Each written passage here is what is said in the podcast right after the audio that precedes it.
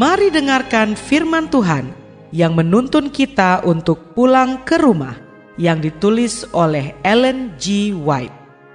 Melalui renungan pagi ini, kita akan belajar untuk berani menghadapi masa depan karena kita tidak lupa pimpinan Tuhan di masa yang lalu. Bersama Pendeta Andre Daimbani, selamat mendengarkan. Shalom, selamat pagi saudaraku. Renungan pagi kita hari ini 21 Mei berjudul Apa yang harus kita doakan? Ayat intinya diambil dari Roma 8 ayat 26. Demikian firman Tuhan. Kita tidak tahu bagaimana sebenarnya harus berdoa, tetapi Roh sendiri berdoa untuk kita kepada Allah dengan keluhan-keluhan yang tidak terucapkan. Mari kita dengarkan penjelasannya.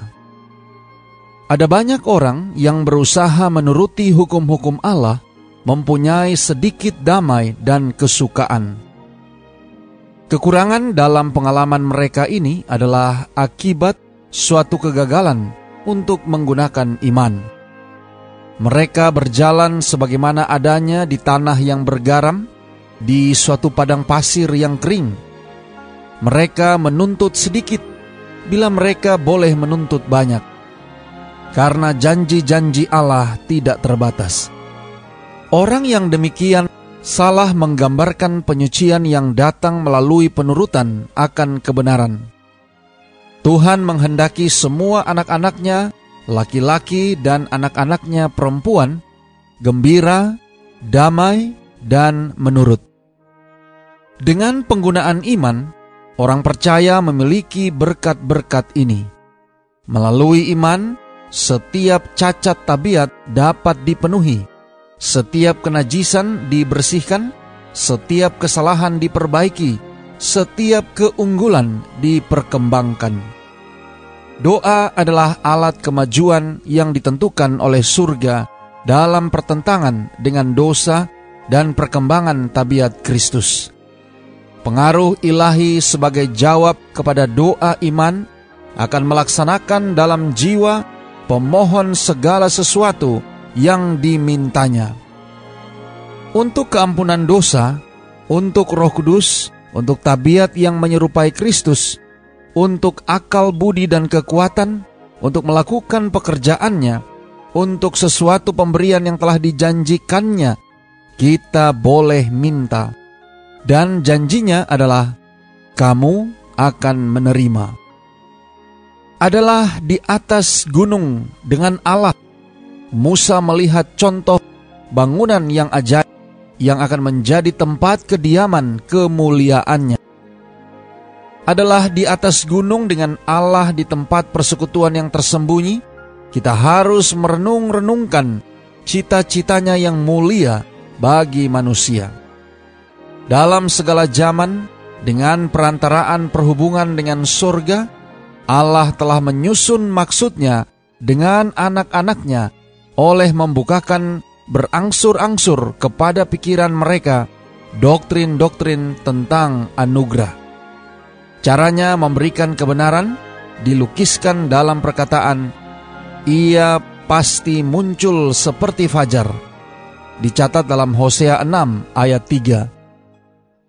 Ia yang menempatkan diri sendiri di mana Allah dalam menerangi dia maju dari fajar yang samar-samar kepada cahaya tengah hari yang sempurna. Saudara-saudara yang kekasih di dalam Tuhan, penyucian yang benar berarti kasih yang sempurna, penurutan yang sempurna, penyesuaian yang sempurna kepada kehendak Allah. Kita harus disucikan kepada Allah melalui penurutan kepada kebenaran.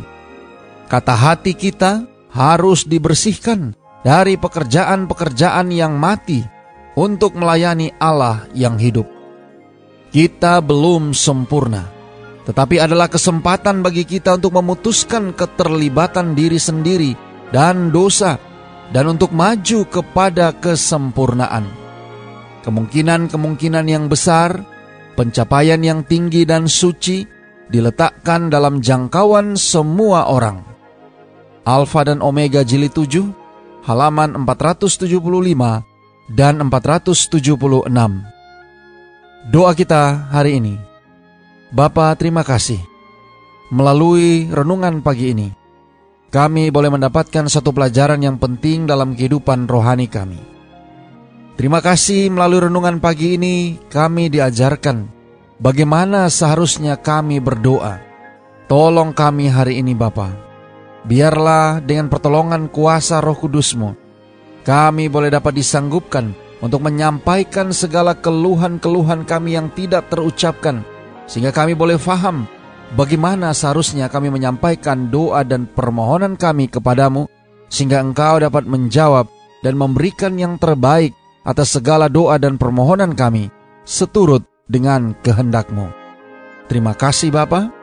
Inilah doa dan permohonan kami kepadamu. Di dalam nama Yesus kami berdoa. Amin.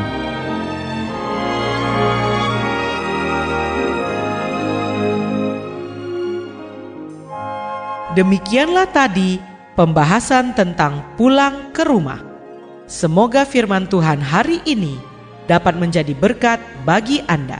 Sampai jumpa, Tuhan memberkati.